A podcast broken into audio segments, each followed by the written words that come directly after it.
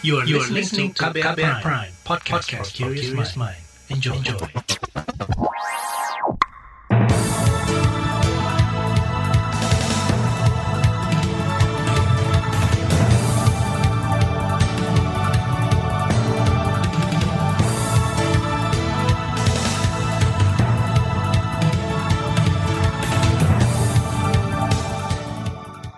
Selamat pagi saudara, jumpa lagi di program Buletin Pagi edisi Selasa 11 Januari 2022.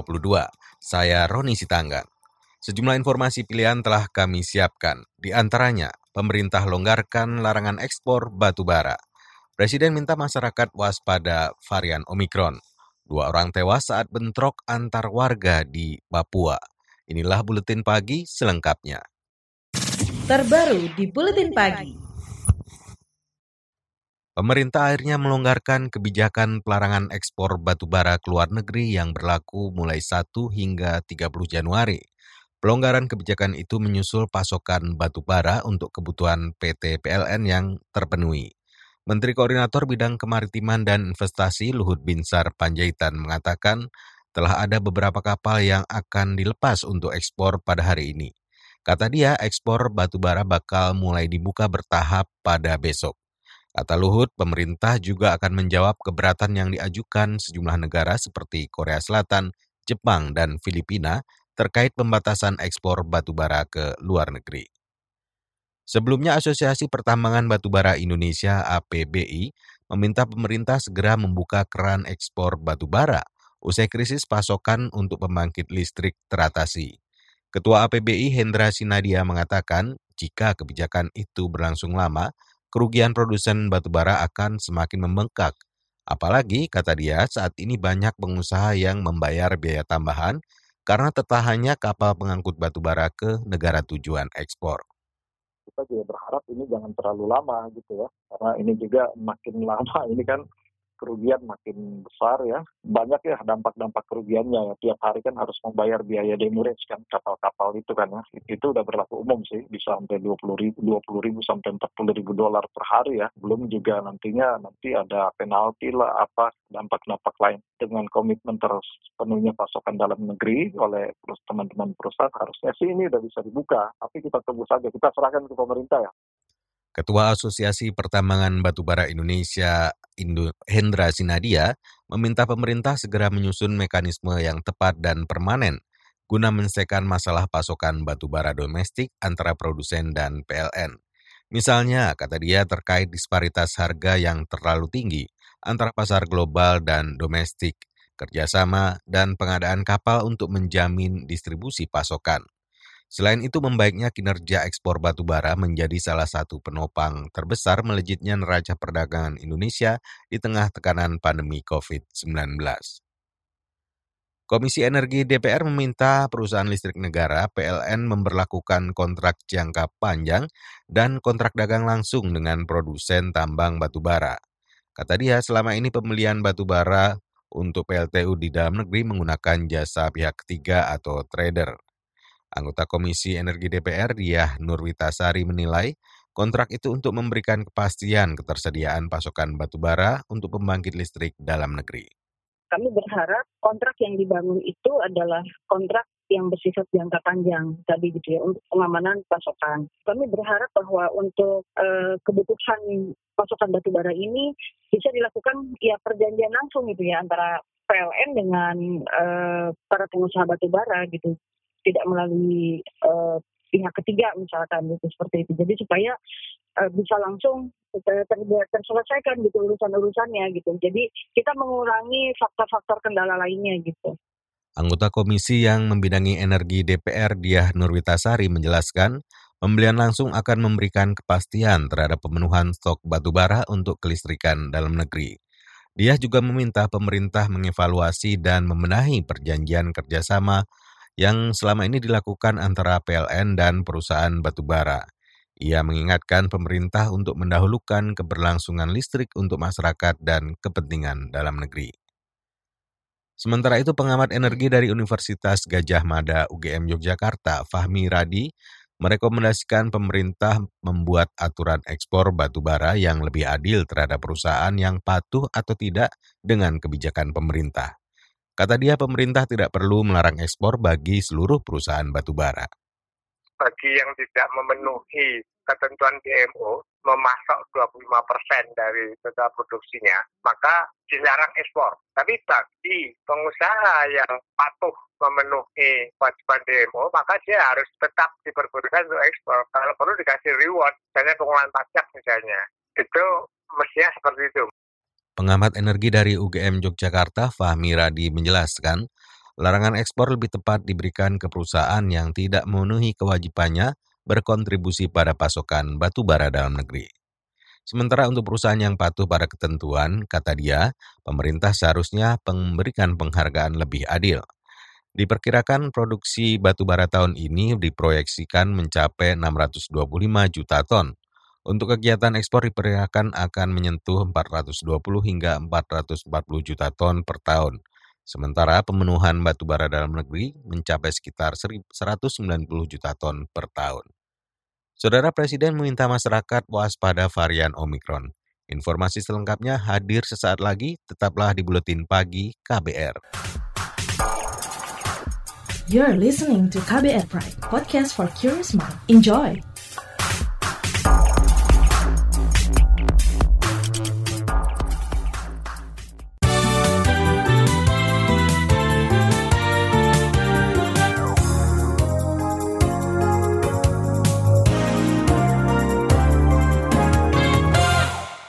Anda sedang mendengarkan buletin pagi KBR. Presiden Joko Widodo mengingatkan masyarakat waspada terhadap masuknya COVID-19 varian Omikron di tanah air. Sebab, kata dia, saat ini sudah lebih dari 400 kasus virus corona varian Omikron di Indonesia. Dari jumlah itu 31 kasus dari transmisi lokal. Walaupun kita berhasil mengendalikan pandemi, namun kita tetap harus hati-hati, tetap harus waspada, terhadap kemungkinan risiko pandemi karena adanya varian Omikron. Presiden Jokowi saat acara ulang tahun PDI Perjuangan mengklaim Indonesia berhasil mengendalikan pandemi COVID-19 yang kompleks. Salah satunya posisi kasus aktif harian turun drastis dari 56 ribu per hari pada Juli tahun lalu menjadi 500-an kasus per hari pada pekan ini. Kemarin kasus COVID-19 di Indonesia bertambah 450-an kasus. Dari jumlah itu, 200-an di antaranya sembuh dan 7 meninggal. Kepala negara juga mengklaim capaian vaksinasi di Indonesia masuk lima besar di dunia atau lebih dari 280 juta dosis vaksin yang disuntikan. Infeksi COVID-19 varian Omikron di Indonesia menunjukkan peningkatan sejak awal Januari. Menteri Kesehatan Budi Gunadi Sadikin mengatakan akan mengantisipasi lonjakan kasus itu dengan strategi pelayanan kesehatan di rumah-rumah. Alasannya meski lonjakan kasus positif Omikron akan tinggi, namun pasien tak perlu ke rumah sakit. Bahwa memang kenaikan transmisi Omikron akan jauh lebih tinggi dari Delta, tetapi yang dirawat jauh lebih sedikit. Sehingga strategi layanan dari Kementerian Kesehatan akan digeser yang sebelumnya fokusnya ke rumah sakit, sekarang fokusnya ke rumah. Karena akan banyak orang yang terkena dan tidak perlu ke rumah sakit. Menteri Kesehatan Budi Gunadi Sadikin menambahkan, kebijakan itu berdasarkan penelitian terhadap lebih dari 400 pasien yang terinfeksi Omikron dan merasakan gejala ringan, bahkan tanpa gejala. Selain itu, pemerintah juga akan memisahkan kasus dari pelaku perjalanan luar negeri dengan kasus COVID-19 di daerah. Koordinator PPKM Luar Jawa Bali, Airlangga Hartarto, beralasan pemisahan dilakukan agar data kasus dari luar negeri tidak tergabung dengan kasus tambahan harian. Badan Pengawasan Obat dan Makanan BPOM mengeluarkan izin penggunaan darurat 5 merek vaksin untuk program suntikan penguat atau booster vaksin COVID-19. Kelima vaksin itu yakni CoronaVac, Pfizer, AstraZeneca, Moderna, dan Zivivac. Kepala BPOM Penny Kalukito menyebut penggunaan kelima vaksin booster harus disesuaikan dengan vaksin dosis pertama dan kedua yang digunakan sebelumnya. Eh, berdasarkan pertimbangan dari hasil uji klinik, pertama keamanannya, kejadian advisory event, ya, advisory event, kejadian tidak diinginkan yang sering terjadi dan berhubungan dengan vaksin, yaitu reaksi lokal seperti nyeri, tempat suntikan, kemerahan, uh, umumnya tingkat keparahannya grade 1 2. Imunogenisitas menunjukkan peningkatan titer antibodi netralisasi hingga 21 sampai 35 kali setelah 28 hari pemberian vaksin booster ini pada subjek dewasa. Itu tadi Kepala BPOM Penny Kalukito.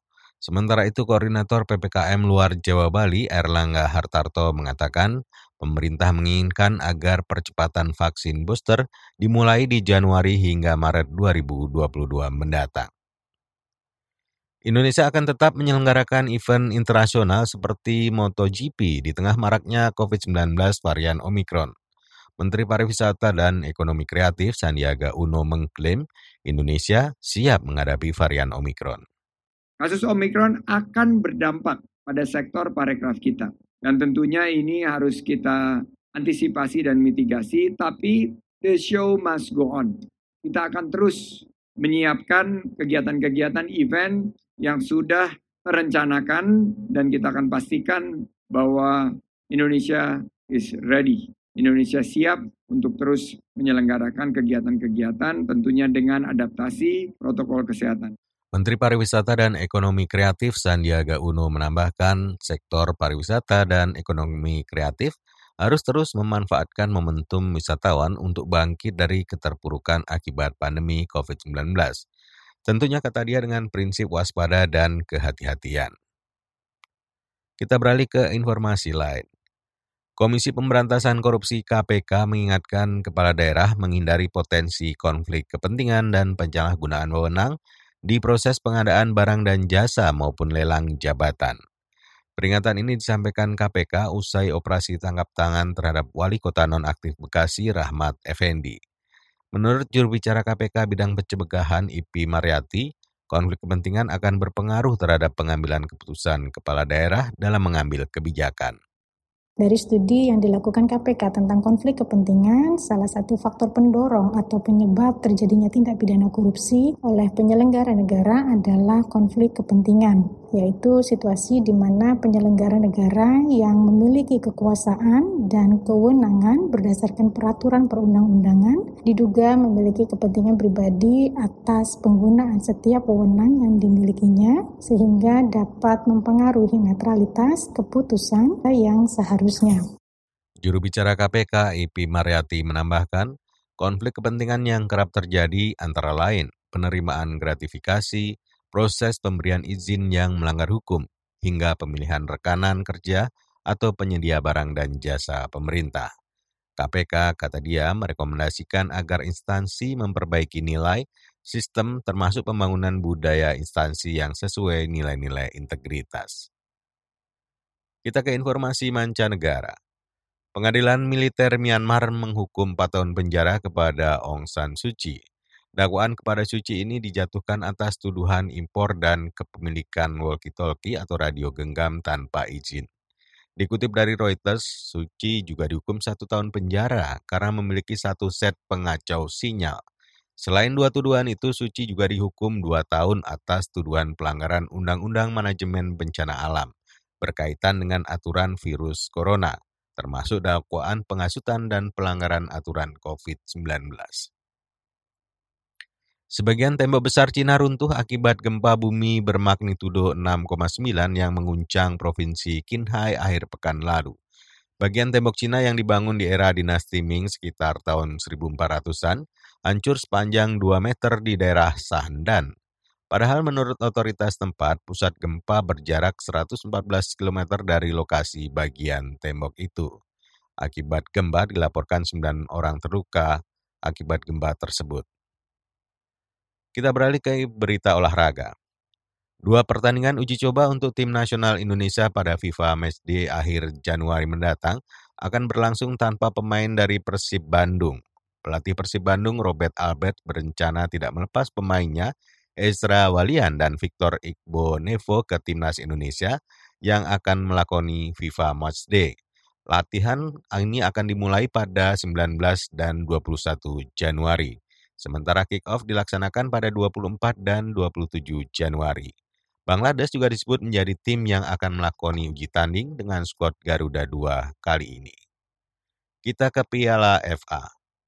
Manchester United menang 1-0 atas Aston Villa dalam pertandingan putaran ketiga Piala FA di Old Trafford dini hari tadi.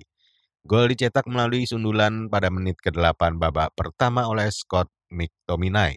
United yang juara 12 kali Piala FA itu selanjutnya menghadapi tim divisi kedua Middlesbrough masih di kandangnya sendiri.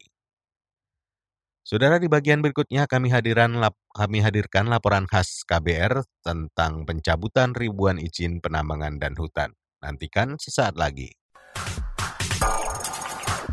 You're listening to KBR Pride, podcast for curious mind. Enjoy!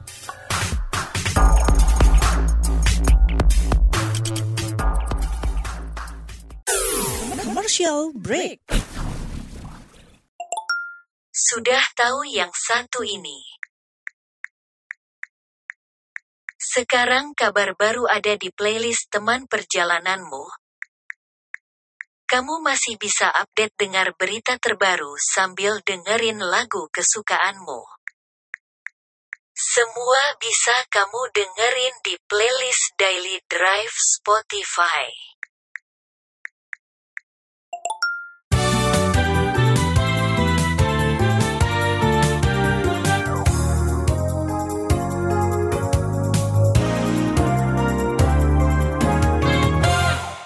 Terima kasih Anda masih bersama kami di Buletin Pagi KBR. Saudara, pemerintah mencabut ribuan izin perusahaan penambangan, izin kehutanan, dan guna usaha perkebunan. Pencabutan diklaim untuk pembenahan. Selengkapnya simak laporan khas KBR disusun Sindu Darmawan. Presiden Joko Widodo mencabut lebih dari 2.000 izin usaha pertambangan mineral dan batu bara pada pekan lalu. Selain itu, ada juga pencabutan izin usaha pengelolaan lahan kehutanan dan perkebunan seluas jutaan hektar. Pencabutan dilakukan lantaran pemilik izin tak lagi produktif. Sebanyak 2.078 izin perusahaan penambangan minerba kita cabut karena tidak pernah menyampaikan rencana kerja, izin yang sudah bertahun-tahun telah diberikan tetapi tidak dikerjakan dan ini menyebabkan tersandranya pemanfaatan sumber daya alam untuk meningkatkan kesejahteraan rakyat. Presiden Jokowi mengklaim pencabutan dilakukan untuk membenahi tata kelola pemberian izin. Langkah itu merupakan amanat Undang-Undang Dasar 1945 yang harus dijalankan. Jutaan hektar lahan yang dicabut izinnya bakal dialihkan dan dikelola kelompok masyarakat yang produktif, seperti ormas, petani, hingga kalangan pesantren bekerja sama dengan perusahaan kredibel.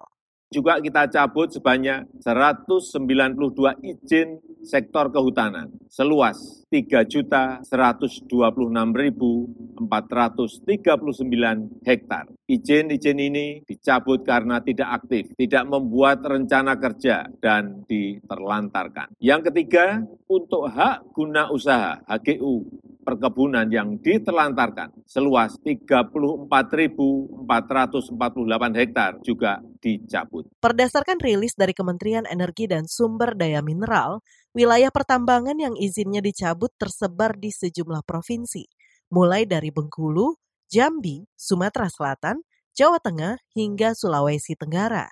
Dari dua ribuan izin usaha pertambangan IUP yang dicabut, sekitar 1.700-an merupakan perusahaan pertambangan mineral logam, mineral bukan logam, dan batuan. Luasnya mencapai 2,2 juta hektar, sedangkan 3 ribuan izin usaha lain adalah perusahaan di sektor pertambangan batu bara dengan total luas wilayah 900 ribuan hektar. Menteri Investasi sekaligus Kepala Badan Koordinasi Penanaman Modal BKPM Bahlil Lahadalia mengklaim pencabutan izin sudah berdasarkan kajian mendalam. Ia mengklaim menemukan banyak izin konsesi yang justru mangkrak bahkan digadaikan ke bank. Nama-nama perusahaan tersebut kemudian diumumkan ke publik. Izin-izin yang kami cabut ini adalah izin-izin yang tidak beroperasi. Contoh IUP dari 2078 ditambah 19 sekarang, izinnya sudah dikasih. IPPKH-nya sudah dikasih, tapi nggak melakukan eksekusi. Izinnya sudah dikasih, IPPKH-nya sudah dikasih, RKAB-nya nggak dibuat-buat. Ada juga izin yang dikasih tapi orangnya nggak jelas. Ada juga izinnya dikasih tapi dicari lagi orang untuk menjual izin. Nah, kayak kayak begini nih nggak bisa lagi. Asosiasi Pemasok Energi dan Batubara Indonesia, Aspebindo, merespon pencabutan 300 lebih izin usaha tambang batubara oleh Presiden Jokowi. Ketua Umum Asosiasi Pemasok Energi dan Batubara Indonesia, Aspebindo, Anggawira.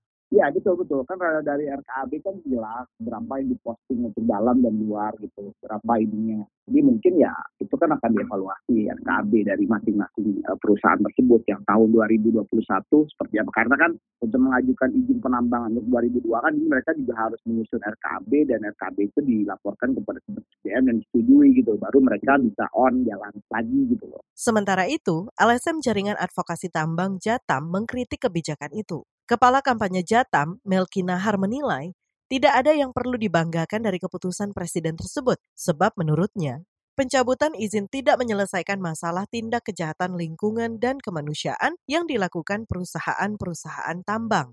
Ini pure gitu, tidak ada urusannya dengan persoalan yang dialami oleh masyarakat di lingkar tambang yang ruang hidupnya itu sudah apa namanya sudah lama dihancurkan oleh operasi uh, korporasi tambang itu sendiri. Jadi itu satu. Lalu yang kedua adalah kalau Jokowi berpihak kepada tata kelola sumber daya alam yang adil, yang kemudian bisa membuat warga sejahtera, ya mestinya justru ruang hidup warga itu yang dilindungi. Melki mendesak pemerintah tidak hanya mencabut izin, tetapi juga menindak secara hukum perusahaan-perusahaan yang melakukan kejahatan lingkungan dan kemanusiaan. Sebab banyak aktivitas perusahaan tambang yang merusak lingkungan dan merampas hak-hak tanah masyarakat. Jatam juga meminta pemerintah transparan soal pencabutan izin tersebut dan distribusi lahan yang sudah dicabut. Demikian laporan khas KBR, saya Aika Renata. Saudara informasi dari berbagai daerah akan kami hadirkan usai jeda berikut ini. You're listening to KBR Pride, podcast for curious mind. Enjoy!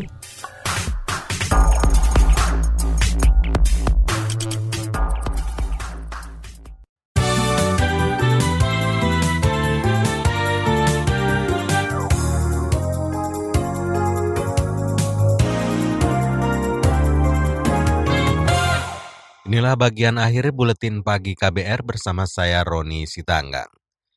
Saudara dua orang tewas dan dua puluhan luka akibat bentrok antar warga di kampung Weksakma, distrik Wauma, Kabupaten Jayawijaya kemarin.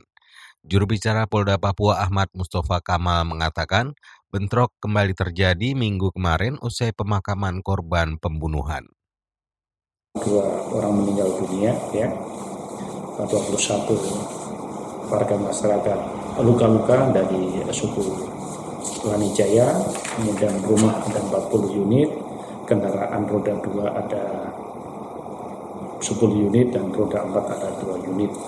Uh, tentu uh, Muspida Kabupaten Jaya telah komunikasi dengan ya, dan beberapa tokoh masyarakat untuk menyelesaikan permasalahan ini agar tidak membias Juru bicara Polda Papua Ahmad Mustafa Kamal menjelaskan korban meninggal dan luka-luka telah dievakuasi ke RSUD Wamena. Beralih ke Jawa Timur, sekitar 150 rumah warga di tiga kecamatan di Jember rendam banjir sejak minggu sore. Berdasarkan pantauan KBR, ketinggian genangan air mencapai lebih 1 meter. Menurut Sekretaris Badan Penanggulangan Bencana Jember, Heru Widakdo, banjir merusak sejumlah fasilitas umum ada beberapa yang belum terdata sehingga kami juga tetap melakukan apa hmm.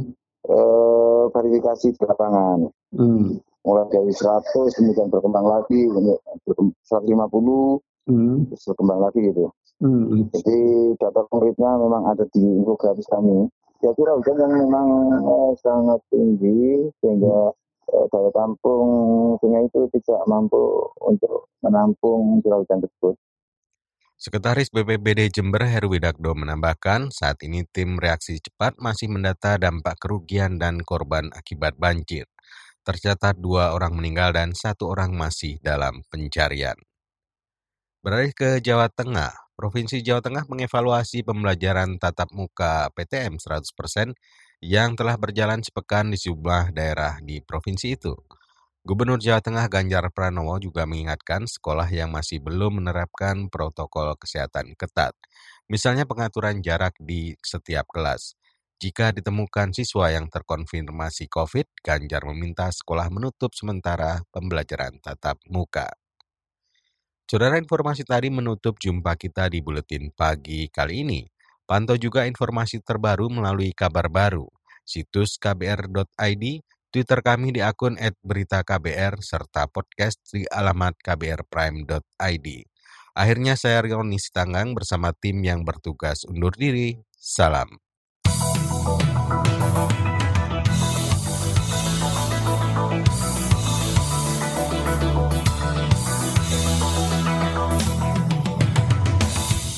KBR Prime, cara asik mendengar berita. KBR Prime, podcast for curious mind.